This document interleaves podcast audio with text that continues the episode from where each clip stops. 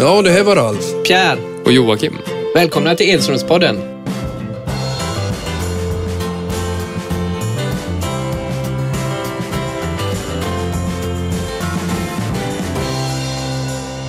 Hej och välkomna till Edströmspodden. Idag ska vi prata om spelförståelse. Och vi har en gäst med oss eh, som eh, min far Ralf har spelat med. Jag och lillebror Joakim har haft han som tränare. Han har haft en gul Porsche och utbildad kock. Det kan ni klura lite på vem det kan vara.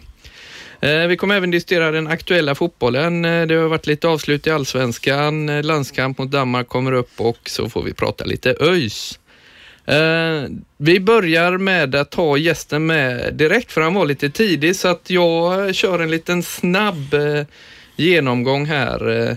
Klubbar som han har spelat i. Han började i Jonsered, eh, sen gick han till IFK Göteborg, PSV Eindhoven, tillbaka till Blåvitt, sen FC Kaiserslautern och sen tillbaka till Blåvitt en tredje gång. Jag tror ni börjar närma er vilken den kan vara, men han har även haft ett tränarjobb på flera olika ställen. Han började i Jonsered, sen gick han till ÖIS, Oddevold, Västra Frölunda, Häcken, Sveriges U21-landslag och Kopparberg Göteborg. Och en liten snabbis, Utsikten. Eh, Vi välkomnar Torbjörn Nilsson till Edströmspodden. Välkommen, välkommen. Tack så mycket. Det var trevligt att komma hit. Ja, jag körde på ganska mycket där eh, och du var i tid eh, så, så att vi, du får vara med hela programmet idag. Eh. Oh, jag känner mig hedrad. Jo, jag, jag älskar att vara i tid. Jag, jag har problem med människor som har problem med tiden. Så att, eh, Håller med dig 100 procent. Ja, och det är ju det som pappa har sagt det viktigaste till oss barn och hur går det för oss eh, yngre förmågor att hålla tiden? Ni är tidsoptimister hela tiden. Alltså jag tycker det är så viktigt. Eh, Bestämmer man en tid ska man vara där. Och, eh, om enstaka gång kan det ju hända då att eh, den tar kvarten. Det har hänt något speciellt men annars håller, håller inte det tycker jag. Hur, hur funkar det med dina barn eh, Torbjörn? Håller de tiden? eh, ja, eh, en av dem, han har väl mina gener. De andra två har lite problem med tiden och de har väl min frus gener tycker jag. Och du har ju fostrat fotbollsspelare också då. Kan jag tänka dina söner där. De i Jonsered och Utsikten. Eh, stämmer och så har vi en som spelade i Gårda också så att eh, det, det var lite blandade framgångar. Gårda gick upp medan eh, Utsikten och Jonse åkte ur så att eh, det har varit lite med glädje och sorg i, i familjen. Ja, ja, nej så är det ju och, och eh, vi har ju samma här då. Utsikten åkte ur och ÖIS gick upp så att eh, Ja, jag gratulerar ÖIS då och, och dig och alla inom ÖIS då naturligtvis. Men tyvärr med Joakim då så Utsikten hamnade på nedflyttningsplats och spelade i division 1 nästa år. Eh, tänkte lite här, eh, den eh, spännande avslutningen i Allsvenskan, vad vi tycker om den då. Och eh, Torbjörn, ditt kära Blåvitt, var, varför gick de inte hela vägen? Jag trodde att de skulle göra det. Jag, jag tror att jag var några av gamla Blåvitt-spelare som uttalade oss om att Malmö kommer säkert att slå Norrköping på, på naturgräs och på hemmaplan. Men eh, man, man kan aldrig förutse att eh, Rosenberg eh, tar en dum utvisning och att Norrköping faktiskt har överraskat. Då. Jag, de, de har varit eh, ihop med Blåvitt tycker jag, det det stora glädjeämnet. Ja, jag tycker Norrköping spelar den bästa fotbollen och det, det är det Blåvitt åker på egentligen. Det är ju inte sista matchen utan det är ju att de inte klarar av Halmstad. Det tror- tycker jag då. Men, men, men som sagt var, eh, de skulle vara ganska glada för säsongen ändå, eh, Göteborg. Han hade ju stor press på sig, Lennartsson, som tog över efter eh, Stare då. Tre och tvåa kom de när Stare tränade dem så att det var inte lätt för honom att kliva in i det heller tycker jag. Så att han gjorde, de har gjort det bra ändå tycker jag. Får han kliva av nu då? För en andra plats verkar ju inte vara tillräckligt. Eh, Nej, det tror jag. jag. Jag tycker att Blåvitt har förändrat sin image på något sätt. De- spelar en roligare fotboll nu än vad de gjorde under Stare. Det, det måste man säga. Sen, sen eh, eh, har danskarna tror jag betytt väldigt mycket för den här fotbollen och även Lennartsson givetvis då. Men danskarna är ju, spelar ju fotboll eh, kanske inte som eh, engelsmän gjorde på 40, 50, 60-talet. Nej, det är mer att de vågar hålla i bollen och vågar göra mer duktiga en mot en situationer som är viktigt i, i fotbollen. Som jag tycker personligen att svenska spelare är lite för dåliga på. Eh, Varför står eh, Norrköping som mästare? Ja, jag tycker de spelar den bästa fotbollen nu. De hade Kujovic vann ju skytteligan men de var ett mycket, mycket komplett lag. Eh, tycker jag då i alla fall. Så att det, det var ju helt rättvist. Och de, när det bäst när det gäller, tycker jag, gjorde mycket mål också. Så att eh, de klarade av den pressen också och hade ett eget spel som fungerade både hemma och borta. Så att eh, det, var värdiga mästare. Självklart eh, värdiga mästare. Ett stort grattis till Norrköping såklart. Eh, vi går över lite snabbt till landskamperna som är på väg här, Sverige-Danmark. Vad har vi för tankar kring det?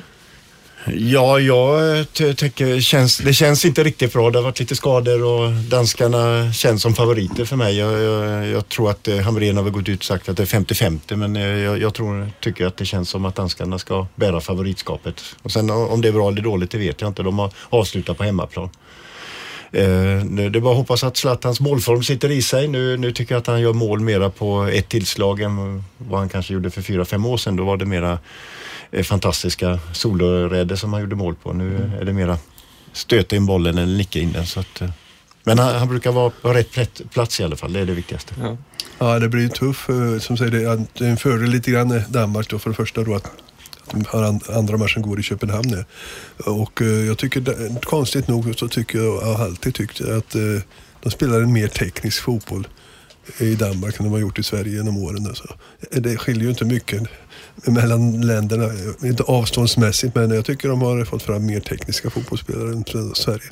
De har en nu som jag Eriksen där som är fantastiskt duktig mittfältare. Som är, det, jag sa så jag skrev på Twitter förresten att Zlatan Bentner, det är klar överlägg för, för, för Zlatan i det läget. Men vem av våra svenska mittfältare kan överträffa Christian Eriksen? Det har vi ingen faktiskt.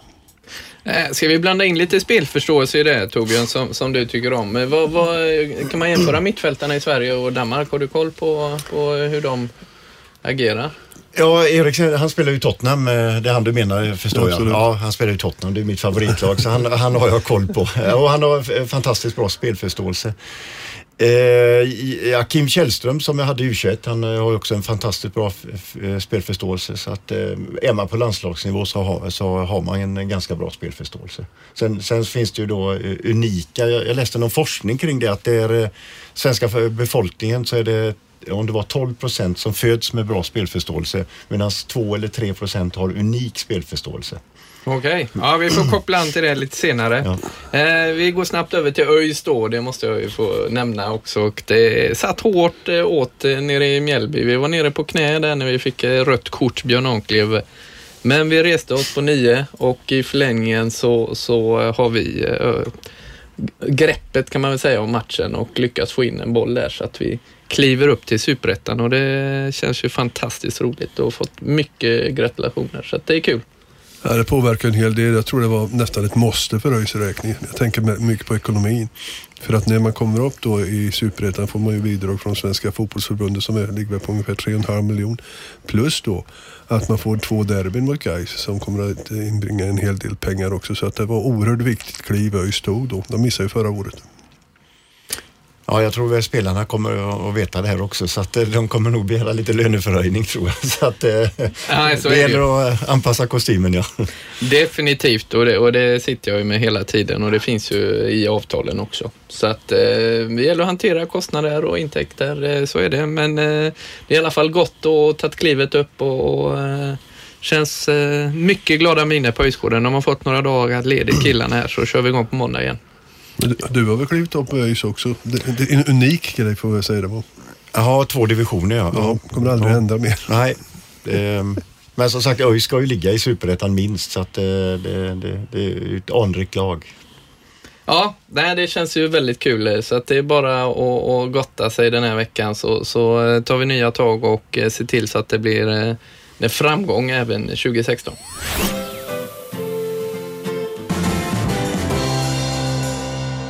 Eh, jag tänkte kolla lite, ni har ju historia, eller vi har ju historia allihopa, men vi kan väl börja i Eindhoven. Eh, ni spelade tillsammans, pappa och, och Torbjörn, i PSV. Eh, vad har ni för anekdoter därifrån? Ja, för det första var jag med och rekommenderade Torbjörn att han skulle komma till PSV för att han var fantastiskt duktig då i Göteborg. Och eh, sen tyvärr, eh, jag var väl inte hundraprocentigt fräsch då när säsongen började så att det, det var lite otur där. Så att, eh, men jag kommer ihåg eh, att Torbjörn kom, hade varit iväg och köpt en ny bil där. Han var så himla stolt. En gul Porsche kom han och körde i. Och jag tror, om jag inte missminner mig Totte, så, så kom det väl till PSVs kansli och hade fått punktis på, på den nya. så var det första sambanden med. Ja, det hände lite grann med den där bilen. och det, det, det luriga var att jag fick punkis och så lånade jag eh, Peter Dahlqvists bil och krockade med den. så att, eh, det var ingen bra start i PSV. Hans fina BMW, han var inte glad på mig kan jag bara säga. Nej, men bilar och, och det är samma med mig. Jag har också klantat till mig mycket med bilar. Det är sånt som händer tyvärr. Man har aldrig gjort en bra bilaffär i hela sitt liv. Va, vad har du för minne från PSV-tiden Torbjörn när du kom dit och har du minne av att pappa var där och ni umgicks ganska mycket? Jag föddes ju där också bland annat, kommer jag ihåg. Eller det kommer inte jag ihåg, men jag har blivit berättat för mig. Ja, nej, alltså jag kom till PC, det var mycket tack vare Ralf och eh, Björn Nordqvist då som eh, fanns där. Eh, Men Björn flyttade hem när jag kom, men Ralf fanns ju där och Ralf var ju en av mina idoler ihop med Ove Kinnvall. Och, så att det var ju stort att få komma och eh, ta Ralf i hand som var den kung i svensk fotboll på, på den tiden. Det var fantastiskt. Sen var inte jag mogen eh, den uppgiften att komma ner till PSV. De, de trodde att de köpte en, eh, en färdig målskytt för Europa men, men det gjorde de inte. Jag hade bara spelat i Superettan här i division 1 och var väldigt naiv som spelare så att det var ett litet bakslag för mig. Ja, det var lite synd också, för Peter var med också då, att, att, att jag inte var frisk nog att kunna spela tillsammans. Så tror jag det har gått eh, mycket bättre. Eh, men jag, men jag drogs med skador hela tiden. Och sista matchen vi gjorde tillsammans i Holland, det vet jag, var mot eh, Ado Den Haag borta i en cupmatch. Jag gick på en sträckning då och så var det straffläggning. Och det, både du och Peter satt era straffar, men vi fick stryk med 9-8. Det var den sista matchen vi gjorde ihop det. Men sen så strålade våra vägar ihop igen då när jag när du kom tillbaks, jag, jag skrev på för Blåvitt då. Ja. Och så kommer du tillbaks då. Men jag, det kändes inte, jag kan säga jag svek det, men jag tänkte, fasen om jag kunde ha varit kvar i alla fall så du, vi kunde ha stöttat varandra. Peter åkte ju hem också och spelade för ÖIS ett tag. Så då kanske vi kunde ha byggt om upp varandra igen till lite, eh, smätt. så det kändes lite, inte svek, men det kändes lite så. Nej, alltså det som var fantastiskt med PSV-tiden det var eh, att umgås med Ralf och Ingla då som var ihop då. Vi, vi var hemma mycket hos dem och Ralf och jag började en hobby ihop. Eh, Det kanske ni inte känner till då men eh, den, eh, vi samlade på frimärken han och jag. Filatelist. Ja, och jag kommer ihåg Ralf han samlade på sportfrimärken och jag hade gamla holländska så jag kommer ihåg att vi satt där och bytte. Eh, Men eh, jag tror han sålde sin samling sen. Jag har kvar min faktiskt. Ja, ja. Nej, men jag har kvar, jag har kvar, men den ligger i någon låda. Men det var, det var länge sedan jag tittade på det. Det har inte vi berättat för dig pappa. När vi rensade vinden sist så var det någon Aj. låda. ah, skulle inte förvåna mig alls. Det kunde, ja, inte, inte, inte ett jäkla dugg. Ja, ja, ja, det ser man. Och sen flyttade ni till Blåvitt och, och den tiden, och då hade ni Svennis som tränare. Nej, inte första vändan. Hade vi Hasse Karlsson hade vi väl. då. Alltså Karlsson var i, eh, ja jag hade han i ett och ett halvt, ja, eller ett, ett år. Svennis kom eh, 79. Kom Svennis då. Och eh, han eh, kom då med det systemet som en gång i tiden Bob, Bob Houghton kom med till, till Malmö och sen tog Roy Hodgson över. Då. Så han var med och utvecklade, inte bara han, utvecklade det systemet som Bob Houghton kom med. Då var det väldigt mycket offside, ställa offside, trycka upp och, då utvecklade de till, till ett spel som fungerade väldigt, väldigt bra. Så att, eh, men Svennis eh, fick ju kritik i början också får jag säga. Skicka hem värmlänningen sa de från på Ja, läktarna. ja, Torbjörn fick spela höger ytter mittfält bland annat några matcher där. Så att det, det var inte så, men det, det vände ju sen får vi säga då. Så i alla fall, så att, eh, han- blev ju väldigt bra och uppskattad i i Blåvitt och, och även då i andra, eh, andra länder och andra lag. Är det det minnet du har också Torbjörn av den tiden? För du var där i några år då och sen stack du till Kaiserslautern. Ja, vi, vi, vi hade ju en resa där på tre och ett halvt år ihop då där han försökte bygga upp laget och vi vann Uefa-cupen då 82 mot Hamburg. Så sen lämnade jag han för Benfica och jag gick till Kaiserslautern och Strömberg gick till Atalanta. Nej, Benfica, Benfica, först. Ja. ja. Det Stämmer. Ja, jag Ja. kommer så väl ihåg när jag satt och såg eh, Uefa Cup-finalen hemma hos svärföräldrarna i Linköping då. För jag hade ju alltid sagt det, ska man vinna en stor final då kan man inte spela i Sverige. så går ni och vinner Uefa-cupen. Ja. Då satt jag och grät framför TV. Jag var så himla lycklig för det. Så det var fantastiskt. Ja, vad, är det starkaste minnet från, från finalen? Eh, Jag kommer inte ihåg matchen. eh, eh, Det kommer jag inte speciellt... eh, eh, Någon fre- frekvens och där. Jag har ju sett i TV det här målet som jag springer från halva plan. Det kommer jag ihåg hur jag tänkte det faktiskt. Hade Magath i ryggen. Ja, just det. Eh, Men inte, det, det enda som var roligt det var ju innan matchen när vi skulle gå ut till, eh, till matchen och då plötsligt fattas det en spelare. Och det visade sig att Glenn, eh, Glenn Schiller hade gått på toaletten och blivit inlåst så han kom inte ut. så han stod där och eh, bankade och skrev. Som tur var var det materialförvaltaren skulle gå tillbaka och hämta någonting och hörde honom. Det var inte ty- lite typiskt skiller ändå. Ja, det var typiskt han. Ja. Eh, och sen efter matchen, kommer jag ihåg, när vi hade vunnit så gick, gick vi där och, och firade och så, så, så sa jag till Glenn Strömberg då, för det började ju bli mörkt då, så sa jag så här, vi ska nu gå in nu och då säger han, nej för sjutton sa han, det kan vi inte göra, då är det ju slut sa han. det gällde att hänga i. ja, han ville njuta så länge det gick. Ja, det är klart. Ja, det var en skön känsla. Vi spelade ihop. eh, Jag vet den match som jag kommer ihåg, alltså, eh, vi vann väl borta med 6-3 mot AIK i en match. Men, men det som avgjorde mitt nästa steg från IFK Göteborg var borta mot Malmö FF. Och då hade jag spelat mittfältet i två matcher för eh, Glenn Holm hade varit sjuk. Så jag spelade mittfältet mot AIK och eh, jag tror IFK Sundsvall som var uppe då. Eh, och en ungrare var som var, alla, alla agenter var ungrare på den tiden kändes det som i alla fall. Och han sa att jag hade spelat bra, jag tyckte inte det. Så skulle vi spela mot Malmö borta och då säger Frågar jag Svennis liksom, så kan inte jag spela där framme? Jo, jo men så det är lugnt Glenn. Holm tillbaks, du och Torbjörn längst fram så kör vi. Och då tänkte jag, också, så, varför jag sa det var för att den som satt på läktaren var Ernst Happel, huvudtränare i Standard Liège. Och jag vet, jag nickade in 1-0 över det här Möller. Jag- vi- vi- 3-0 stod när jag gick ut. Du hade gjort ett mål och jag två. Då gick jag av i 79 minut och tänkte, köper de inte nu så köper de aldrig. så att, eh, så blev det. Hur gick det till när du blev proffs i Kaiserslautern? Eller hur, hur, ja, vad gick tankarna? Hade du fler anbud? Eh, ja, jag hade några stycken till eh, men eh, det kändes rätt med Kaiserslautern för Ronny Hellström var där. Jag var lite trygghetsnarkoman. Jag hade väl eh, en, anbud från Spanien och några lag till då, men Kaiserslautern kändes rätt på något sätt. Det var en svensk klubb också. Benevent och Roland Sandberg. Många svenskar hade varit där. Benno Magnusson, Benno Magnusson. Ja. Får inte glömma. Nej, oh, nej. Ursäkta Ralf. Och, och den sektionen gick bättre än PSV? Ja, den gick väl eh, till, ja, jag spelade väl på 80 procent av min förmåga på något sätt. Man kunde inte inta kreatörsrollen där. Eh, Utan man var tvungen att bara producera mål, mål. Eh, Och, ja, vad gjorde jag? Jag gjorde väl 23 eller 24 mål på två år där så att jag får väl hyggligt nöjd. Eh, Men eh, kreatörsrollen det skulle då eh, spelfyren eh, eller spelförarna då, det var Bongarts och Guy hette de. De skulle göra någonting med bollen och så skulle vi vara sista anhalten då vi eh, anfallsspelare. Men det hade väl Hans-Peter Brigel med i laget? ja. Han spelade mittback då eller markerande ibland så att eh, Ja, spelade mot honom eh, med Standard Liège, Kaiserslautern. Vi möttes i en, eh, i, i alla fall Uefa-cupen och eh, första matchen spelade vi nere i Kaiserslautern och eh, då hade han, tog, skulle han markera mig.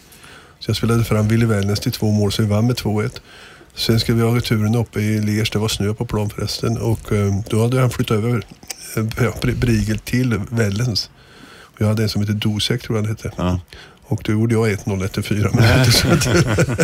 så, vi vann den matchen också. Och det var så underbart så att pressen i Sverige skrev belgisk fotboll var ju ingenting jämfört Nej. med tysk fotboll. Nej. Därför kändes det ju alltid lite extra skönt att knäppa just, och framförallt när Ronny stod i mål. Ja, ja, ja. Det var en liten extra grej måste jag ändå säga. Eh, sen så var du tillbaka i Blåvitt igen. Eh, och, och då, hur lång var den sessionen? Eh, den var två år. det, var, det var så nämligen att Svennis kom när jag var i Kaiserslautern på slutet och ville värva mig till Benfica. Eh, och eh, jag sa ja till det och kom ner till Benfica och det här blev allmänt känt i Kaiserslautern då att jag skulle byta klubb. Och då, då var man inte speciellt populär där när man hade gjort klart att man inte ville vara kvar. Okay. Eh, och sen visade det sig att eh, Svennis då inte själv skulle vara kvar i Benfica. Han, han ville att värva den, sig dit för att han skulle kunna få släpp, slippa sitt kontrakt då för att gå till Roma som han skulle göra då. Eh, och då valde jag att flytta hem istället för jag var, jag var pantad där och då eh, i Kaiserslautern. Var- Mm. det var på något sätt att man svek och tidningarna, Bildzeitung då började skriva skit om eh, om mig då. Ja. eh, att då jag, eh, Kaiserslautern har alltid haft problem med Torbjörn. De har försökt få honom att gifta sig, skrev de. Ja, ja, ja. Men det kan han ju inte för det är hans älskarinna han lever med här. Han har fru och barn hemma i Sverige, skrev de. Ja, Bill Saltum var ju det värsta. Även VM 74 hittade de saker. På de, de Västtyskland var det de mötte. Hittar de på de ska Bosse Larsson han super och röker och är Mm. allmänt otrevlig. Och så så mötte de Australien en match och har de det var någon som hade emigrerat. Alltså, ja, De skrev att eh, när han, flytt, han flyttade när han var 11 år från, från Västtyskland och han var oduglig i skolan, kunde ingenting bara för att skita ner någon, för att Ja. trycka ner folk. Det, var- och det var exakt Bild Zeit. Mm. Det var ju sålde de mycket på men de var fruktansvärt otrevliga. Så det blev två år i, Blåvitt som avslutning och så, så, så såg jag väl slutet på karriären då. Ryggen hade börjat göra, göra sig påmind att den inte mådde så bra och så vidare. Så att, eh, det kändes rätt. Eh, Och på något sätt så, så, så hade jag en tanke att sluta när jag var på topp. Och eh, det, det kanske jag ångrar lite idag att jag inte spelat ett halvår, ett, ett år till. För vi vann ju Uefa-cupen en gång till. Mm, då, så att, det var lite synd. Ja, men det är samma som med, lite grann PSV också. Eh, De vann ju också, när man- jag hade flyttat hem och du Ja, också, just det. så vann de Uefa-cupen Ja. eh, mot Bastia. Ja. Så att, eh, ja, vi var ju uppe i två semifinaler i, i cupvinnarcupen och Europacupen som hette då med PC. Men eh, du nådde i alla fall fram till en vinst. Jag gjorde aldrig det. Just Nej. på Europacupnivå. Nej. Det känns lite bittert faktiskt. Eh, Ja, ja, så det, vi, ni avslutar ju i tidig 30-årsåldern båda två. Det stämmer väl? Ja. Ja, Ralf hade väl lite otur med skador medan jag, jag kunde väl fortsatt men eh, Ralf hade väl lite, och kom inte tillbaks efter den här Nej. hemska olyckan i, i Norge. Nej. Nej, det det var var, kanske- i Monaco. Det Monaco var det, förlåt, Monaco Norge var var det, det, men då kom jag tillbaks för då Ja, var då jag, kom då var, tillbaka. då var jag Ja, blåvit. det var det. Så var det. Ja. Nej, men det blir ju så. eh, Torbjörn Totte var ju 32 och jobbade. Så ja, det var 30 var jag när jag fick skadan. då. Och eh, hade det varit idag så med den operation som, det, det, som har gått fram så mycket. Ja, då har jag fort- då har jag fortsatt spela. Spela, jag är ganska säker på det. För att eh, nu var man gipsad från ljumsket under foten. Och när man tog bort gipset så benet ut som en piprensare. Så sen tog det väldigt tid att träna upp sig igen och den mentala biten var jobbig då för att jag höll på och rehabade i ett och ett halvt, två år för jag skulle skrivit på för röj. Så det, det funkade inte, tyvärr. Eh, Sen hade du en liten eh, session när du jobbade som kock också. Det kommer jag ihåg faktiskt. Jag, var, jag tror jag var där på restaurangen. Och, Oj, ingen magsjuka. Nej, Nej, det var, det var efter karriär. Jag hade ingenting, jag visste inte vad jag skulle göra. Så eh, då, det blev öppna restaurang ihop med en kompanjon i ett par år. ja. Eh, Och det gick väl eh, ganska bra men eh, på något sätt saknade du fotbollen och då eh, kom den in i bilden igen eh, i, i samband med att Jons i min moderklubb då ville att jag skulle bli tränare.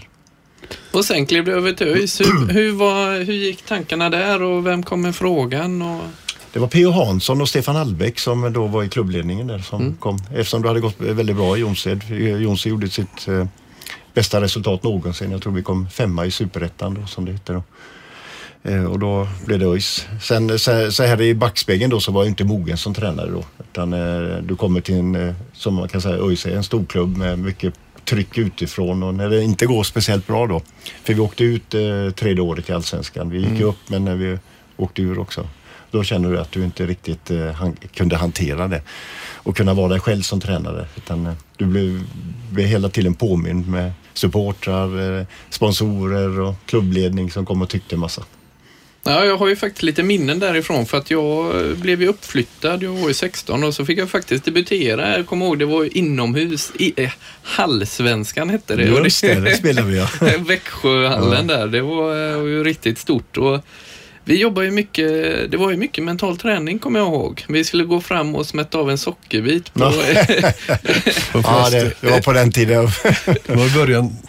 Ja, men vi jobbade, Ja. det var väl, och det sitter kvar i mig än idag, men det, det var bra tankar. För mig funkar det. det. Alla är väl inte mottagliga, men jag har ju använt det mycket senare i livet också. Ja.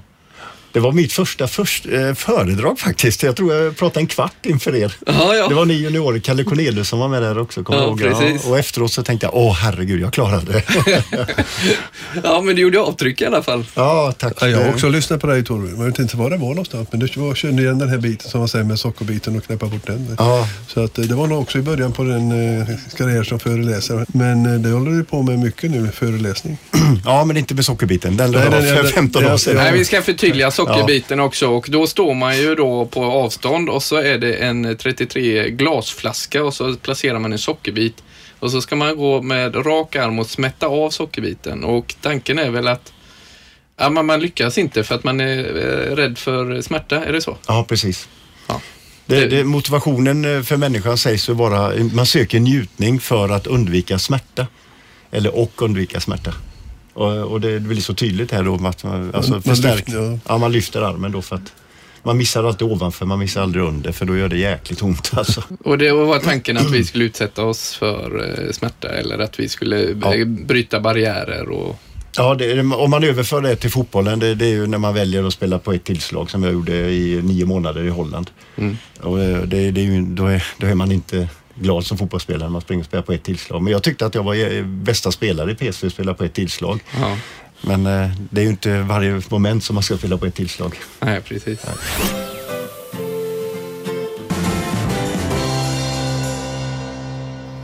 Efter ÖIS går du vidare till Oddevold.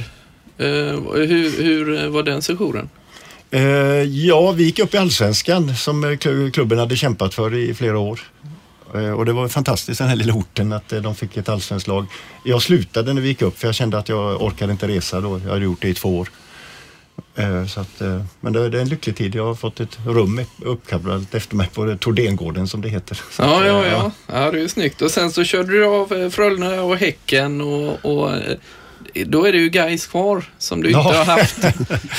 Och, Ja. och de har ingen tränare nu, eh, har jag hört. Eh, Jag, jag tror inte det är aktuellt att en gammal Blåvitt-ikon hamnar i, i Gais. Ja, men eh, du har ju varit i alla andra lag i, i Ja. Göteborg.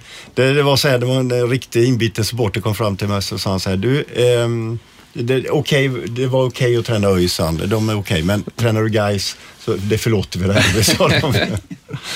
Ja, ja. Det kanske var mycket på skämt också, men lite allvar. Så att, eh. Ja, ja. Men du vill fortsätta som tränare ändå om det dyker upp något? Ja, o ja, o, alltså, jag, eh, jag läste en GT, det var någon som sa att jag var med i GT, det var, det var någon som hade dragit ut eh, någon GT-journalist ur en eh, podden som Olof Lund har. Mm. Eh, och det stod där precis som att eh, det var världens eh, hemskaste sak att jag var arbetslös. Men jag blir lite beklämd när jag läser en, eh, när man drar ut saker ur sitt sammanhang och får det att passa sitt syfte som journalist. Det tycker jag är beklagligt. Ja, journalistiken är ju fin. Det har jag fått erfara här också under min korta tid som klubbdirektör. Ja. Så att det, vad jag vill säga med det, jag, jag är glad att ha varit tränare i 25 år men eh, och skulle det dyka upp någonting eh, så, så dyker det upp någonting. Men eh, det, det är inget som jag, jag är ledsen för att jag inte får något uppdrag utan jag, jag gör andra saker i livet. Ja, du, eh, lite föreläsningar och, och bok och sådär. Jag har ju försökt prata med pappa lite också om, om böcker och så. Har du något råd? Ska man släppa en bok eller är det... Men nu har inte ju du någon, gjort någon biografi utan du har ju gjort... eh, Det finns ju eh, tankar i, i boken så. Mm. Både med spelförståelse och lite mentalt och lite... Ja. Alltså, jag pratade med Ulf Stenberg, gamle GP-journalisten. Han eh, jag pratade vis för ett år sedan. Jag sa till honom, börja skriva en bok. Du har ju mängder av eh, intressant material, bland annat om Ingmar Stenmark som han följde. Mm. Så pratade jag med honom för en vecka sedan så sa han så här, jo nu börjar det bli en bok om Stenmark, sa han. Ja, ja, ja. Och det är samma med Ralf. Ralf har upplevt så mycket så att eh, det finns ju ett intresse kring det. Det är viktigt för historien också att kunna läsa vad Ralf har gjort som spelare. Han har varit i, i radio, han har upplevt så jäkla mycket så att eh, Jo, men det är ju så det är. Men jag tycker det är, det är väldigt många spelare eh, som skriver, inte bara spelare utan skidåkare och vad det nu är, nästan biografi när man slutar precis så är 30-35 år. Jag tycker man kan vänta lite grann och skriva lite senare. Men risken är att man blir osams med väldigt mycket folk om man är ärlig. Kan tänka mig. Och det är ju där vi har Oj. familjediskussionerna. Jaha. Vad är det som kommer fram? Så därför har vi inte riktigt landat i det hela. Men, men, men det, det, det man vill då, det, det är ju att eh, en människa som har erfarenhet, som upplevt mycket, ska skriva någonting som kan hjälpa en, man, en annan människa i, i sitt liv. Eller om det är på fotbollsplanen någonting. Så att, Det eh, drev vi också. Mm. Absolut. så att det är bara att börja skriva. Ralf. Vi får se. Ja, sen, sen, sen ska man också veta när man skriver en bok så är det ungefär som att det är en, ett träd. Först skriver du trä, stram, stammen, sen börjar du skriva på grenarna. Och är du riktigt detaljrik då, det är det som är avgörande, som avgör om boken kan bli bra, det är att du skriver om bladen också. Och det, det, dit kommer man inte alltid ibland som, som författare. Så att, eh, det gäller att tänka till. Ja, då, då, då tror man det tar tid. Du är ju en uppskattad föreläsare och har på i många år. Eh, vad har du för tips? Pappa är ute och pratar lite också, men pappa du vill inte kalla dig föreläsare, du vill ju prata fotboll. eh, Ja, det är lite övermåga att alltså kalla mig för föreläsare tycker jag. Däremot kan jag säga att jag kommer att prata fotboll, jag kommer att prata radiosport, jag kan prata eh, prostatacancer, jag kan prata rätt mycket. Ja, men eh, nej, föreläsare kan vill jag inte kalla mig för faktiskt. Men däremot är det skillnad på Torbjörn och även Ravelli är ute en hel del också. Och ni lägger upp ett program för dem och hela den biten. Och jag ska iväg ganska snart nu och titta på en sån grej. Och ska snacka i två timmar. Så jag sa två timmar, det är, det är väldigt långt alltså. Så, jag pratar. Och, eh, så att eh, vi, det, är en kille som jobbar, har jobbat i lokalradion där uppe i Eskilstuna. Som då, eh, vi tar två halvlekar då säger vi, 45 minuter ungefär och så paus på det. Och så får, kommer det in, så man delar upp det då att man pratar, jag kan ta första delen själv då om min fotboll, fotbollskarriär och vad som har hänt där. Så jag ska, måste, ska jag spara då så jag inte ska nämna så mycket om radio för det, när kommer in i andra halvlek då kommer det mer att vara radiosporten och, Mm. och även eh, handikappidrott som jag har jobbat med i 28 år kan jag berätta en hel del om faktiskt. Ja, men har du några tips där Torbjörn? För du har ju hållit på i många år med, med föreläsningar och, och eh, hur, hur gör man en, vad, vad uppskattas? Eh, man utvecklas hela tiden som föreläsare och förstår vad, vad det är eh, publiken då eller åhörarna, vad, vad, vad de vill. Vad, vad som kan ge, ja, uppskattas hos dem. I början var man glad, bara glad så här en massa bokstäver och sen så, så åkte man därifrån. Mm. Så att eh, förhoppningsvis utvecklas man. Det, de, de som ska hålla ett föredrag eller hålla ett tal kanske är bättre att säga. Det, det, det som jag brukar säga då, det finns då vissa saker som man ska tänka på. Ett, det, det, det är att man har ett bra manus. Och manus ska vara ett bra, en bra start och ett bra avslut. Det som är i mitten kan man liksom ha lite stolpar. För har man ett bra avslut så vet man att eh, avslutet kan rädda mig om, det, om jag blir nervös. Sen ska man titta på de som är glada. Man ska inte titta på de som ser arga ut. Okej. Det, det finns alltid börjar, sån- börjar somna. Ja, och så ska man också eh, tala om att man är nervös. Man ska alltid prata till belackarna som sitter där. Och sen så eh, sista saken är att man ska försöka ha händerna med när man pratar. För om man händerna med så kommer man i kontakt med känslan eh, mycket bättre. Och ta in Strömberg där och han pratar nästan bara med händerna. Ja, precis. ja, det underlättar så att eh, Nej, jag brukar säga, som säger, man har ju en tråd, som, jag- om jag pratar då, om en fotbollsliv så, så kommer man på efterhand lite grann att så, så far man ut en bra bit och så kommer man tillbaka och så kommer man där och så kommer man på en ny grej så är man ute där. Så man måste ändå ha en linje att gå efter. Det är ju ändå lite trygghet att man har den, den stabila biten i mitten och sen kan man komma på mycket roliga grejer. Jag tror inte att om jag är ute och föreläser eller snackar med folk att eh, du kan, och någon har lyssnat på mig tre gånger så det är inte det är olika Nej. varje gång. Det är olika. Den hittar på grejer och det är rätt så trevligt faktiskt. Så, så brukar jag alltid avsluta med en historia. Det är viktigt. Ja, jo, jo, men det är ungefär som det här programmet. Vi försöker ha någon slags röd tråd och sen försvinner vi iväg någonstans. Men nu ska vi försöka hitta tillbaka till eh, själva temat och, och det har ju med spelförståelse. Hur vi landar in i det och, och hur det är ju eh, väldigt viktigt i fotboll. Eh, Men, men man belyser inte alltid det. Vad är dina tankar kring spelförståelse, i, ja, när jag blev tränare, jag, jag tror jag uppfattade som att jag hade bra spelförståelse när jag spelade. Så när jag blev tränare så trodde jag att alla andra fotbollsspelare som jag tränade då hade samma lösningar i huvudet på, som jag hade. Så att jag förstod aldrig hur de tänkte och det, det, det är en utmaning och det, det tror jag lärare säger också, att försöka hämta spelarna var de är. Alltså försöka trycka in i huvudet på någon som har problem att eh, få spelförståelse. Då är det kanske bättre att släppa det och så jobba med de individuella kvaliteterna. Så, och försöka göra den spelaren bra på det sättet istället. Du sa att det var bara 12 procent som födda med det. Då kan man förstå lite grann. Det var två eller tre som var extremt eh, födda med, med, med spelförståelse.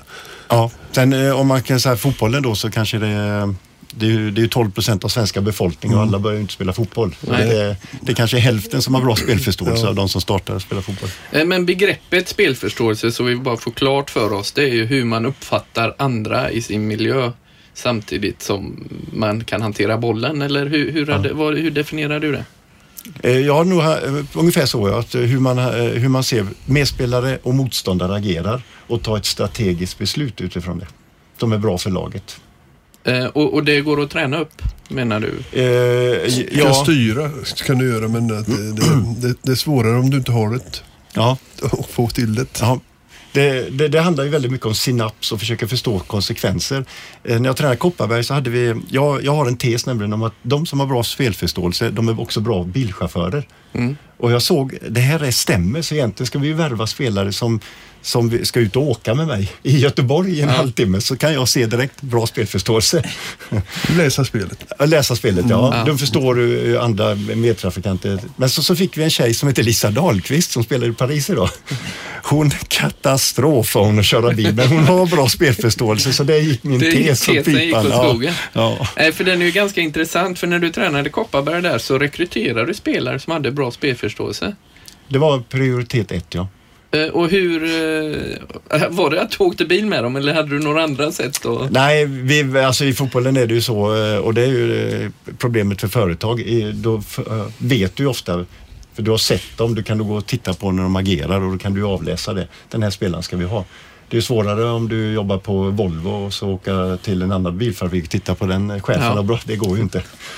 Så att eh, spelförståelse var nummer ett ja. Men så efter fyra år så tappade vi det på grund av att eh, tre spelare lämnade klubben väldigt hastigt. Två gick till luftslottet som sprängdes, Tyresö, och en gick tillbaks till Norge. Och då hamnade vi sent eh, i, i rekryteringsprocessen och fick hit två amerikanska bland annat som hade begränsad spelförståelse. Och då började det haverera lite grann, laget. Vad är dina tankar pappa kring spelförståelse? Hur, hur har du uppfattat det under din tid som... Har den blivit bättre med åren eller eh, har den funnits med alltid? I... Nej, inte bättre med åren. Jag går väl kanske att träna upp en, en del men eh, f- man är ofta medfödd med den talangen tror jag. Eh, Spelförståelse för mig är ju att på plan då, att man ska kunna läsa spelet, eh, motståndarna, alltså också kunna placera sig i en bra position. När man tar emot bollen ska inte bara kunna lägga den tillbaks, du måste ha en två, tre olika som du vet innan bollen kommer fram till dig. Att du kan ha, måste- ska jag hålla in, ska jag lägga tillbaka, ska jag skarva vidare i djupet. Du måste kunna läsa av spelet och även dina motståndare hur de reagerar på plan. Det, det tror jag är ganska viktigt så att man inte kör fast och låser fast sig i vissa positioner. Eller, det här måste jag göra nu. Så, tvångstanken där är inte bra. Du måste ändå ha känsla för vad du vill göra med bollen när du får den. Ja, jag är ju lite amatörtränare. Jag har ju i och för sig gått första stegen där, men, men jag förklarar ju för de 11-åringarna som jag tränar och då försöker jag lägga upp det som en schackplan. Att man ska tänka två steg framåt och att eh, bollen och spelaren ska komma till en ruta samtidigt. Det, bollen ska inte vara där tidigare eller spelaren ska inte vara där tidigare utan man ska göra draget samtidigt och jag, jag tror jag har nått eh, fram till dem lite grann i alla fall. Är det en... Ja, men tror det- ni det funkar? Det är en jättebra metafor. sen, är det ju viktigt att de förstår de här metaforerna. Jag, jag har ju tittat på en del ungdomsturneringar eftersom jag har haft tre barn som har spelat. Och, alltså, och ledare som står och gapar och skriker eh, metaforer där de tror att spelaren förstår. Eh, till exempel hjälp Kalle. Ja, ja. Jaha, vad betyder det för barn som är nio år? Så Nej, till, eh, se- det är ju att de, de spelar väldigt mycket schack i skolan och så, så Ja. att de, de förstår schack. eh, Så att då, då har jag försökt anpassa det då till eh, själva tränar. Schack är ett fantastiskt strategispel. Jag, jag har skrivit om det i min bok där. Bland annat, att eh, schack är väldigt bra. Ja, bra, då ska Hjärngympa. Ja, det är hjärngympa. Hjärngympa. Ja, det är härligt. Edströmspoddens topp tre-lista. Eh, Torbjörn, eh, topp tre-listan eh, ska du få sa och då är det ju spelare i världen genom tiderna med bäst spelförståelse. Har du eh, tankar kring det? Det, det som är viktigt att förstå då när man pratar spelförståelse, det finns två olika typer av spelförståelse. Det är att eh, eftersom spelet fotboll bygger på att göra mål och förhindra mål, så finns det också spelförståelse att förhindra mål. Ja. Och Björn Nordqvist var en jävel på att förhindra mål. Han stod alltid rätt. Så att eh, om jag får säga en spelare som, eh, som eh, hade bra spelförståelse i försvarsspel så var det Björn Nordqvist tycker jag. Han, eh, det var också med en av mina idoler också. Jag var tittade på honom här. Ja. Eh, och så gäller det fotbollsspelare framåt så, så eh, om, om jag bortser från svenska då, för det finns jättemånga. Ralf hade fantastisk spelförståelse så måste jag ändå få ta en av mina andra idoler, det är Johan Cruyff tycker jag som hade en fantastisk spelförståelse. Messi. Ja. Bra, bra Johan Cruyff det. Ja. Eh, Och sen, du sa du Messi, var det en... Messi också, Och, ja. och, och det, det- kan du rangordna dem då? Ja, med, med Messi när han får bollen så, så eh, en, en spelare som får bra spelförståelse, han hamnar i kreativa fasen samtidigt som man ska tänka då produktivitet. Och det betyder att han håller på att jobba med bollen och tittar och tittar. Händer någonting? Nej, det händer ingenting. Då lämnar han bollen till en medspelare för att inte den dyker upp. Det finns för många spelare som bara skickar iväg bollen och hoppas att det ska leda till någonting och tror att de har bra spelförståelse. Eh, Så då börjar vi med Björn Nordqvist, etta eller trea, I försvarsspel, nummer ett. nummer ett. Och Cruyff, är nummer ett På i anfallsspel. Ja. Och Messi ett i anfall. Ja, men Ja. Då får vi tre på första placeringen Ja. där. Det är Torbjörn Nilssons topp tre-lista för spelförståelse.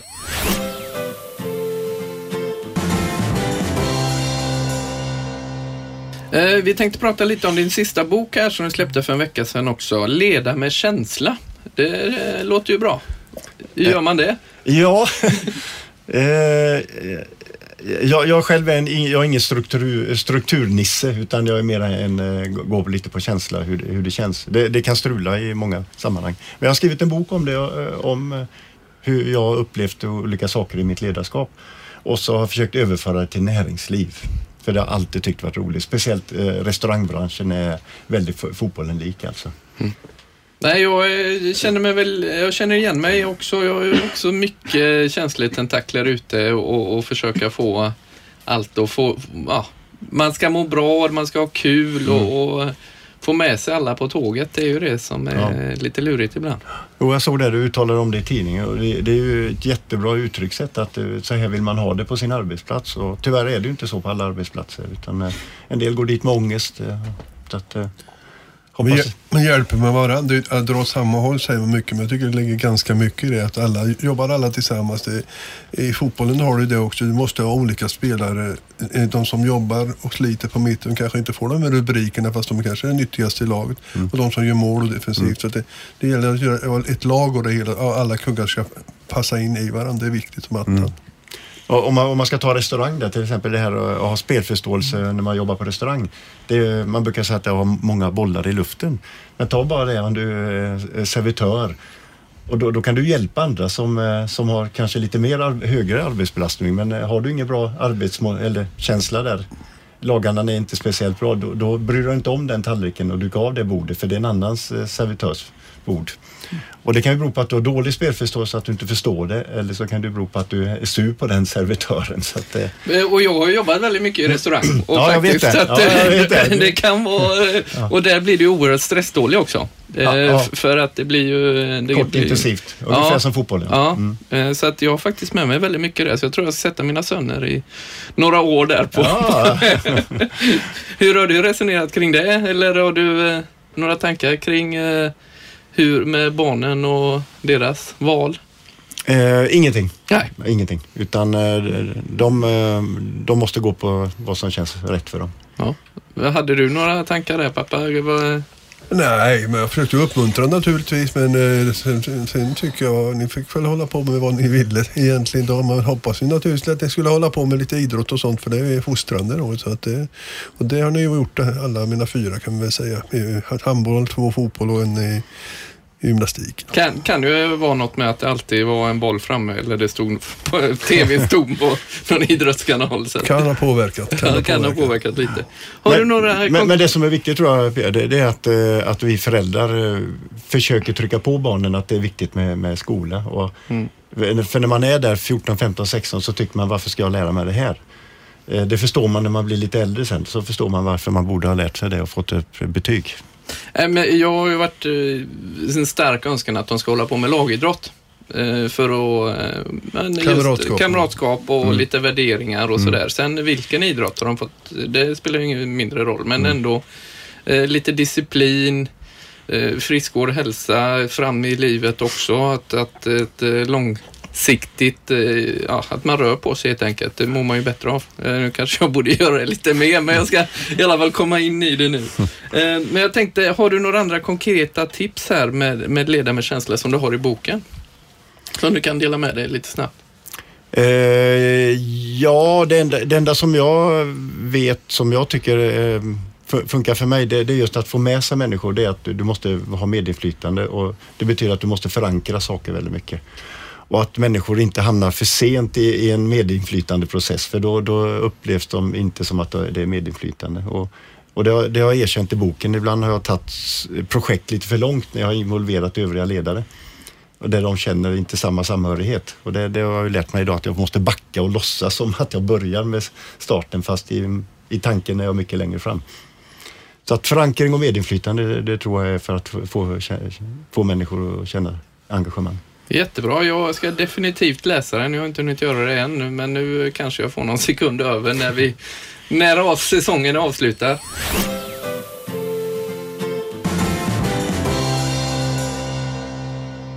Eh, dagens avsnitt eh, pratade vi spelförståelse, även lite aktuell fotboll och eh, historik. Vi önskar kommentarer på vår Facebook-sida edströmspodden.com och eh, ni kan lyssna på eh, det här på radioplay.se och även pappa, du finns ju på Twitter där du tar emot kommentarer, Ralf Edström. Ja, jag gör det. Jag finns fortfarande kvar där. och Så att det kanske blir någon kommentar från mig där också. Tack så jättemycket Torbjörn Nilsson. Kul att du kunde komma. Tack så hemskt mycket. Eh, Du får avsluta det hela med att välja en låt. Vilken låt och varför? Ja, då tar jag det givetvis mitt favoritband som eh, tyvärr fick sin sångare död eh, på början på 90-talet. Eh, Men nu har de hittat en ny sångare som är fantastisk som heter Adam Lampert. De kommer till Sweden Rock i Sölvesborg i juni. Så att uppmanar alla Queen-fantaster att åka dit. Och låten heter givetvis, och det är ju sista stora mästerverket av Freddie Mercury, det är The Show Must Go On. Det är Show Must Go On. Tack så mycket för idag. Tack, tack. Empty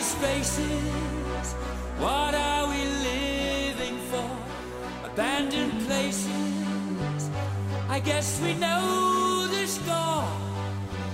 On and on, does anybody know what we are looking for? Another hero, another mindless crime behind the curtain in the pantomime.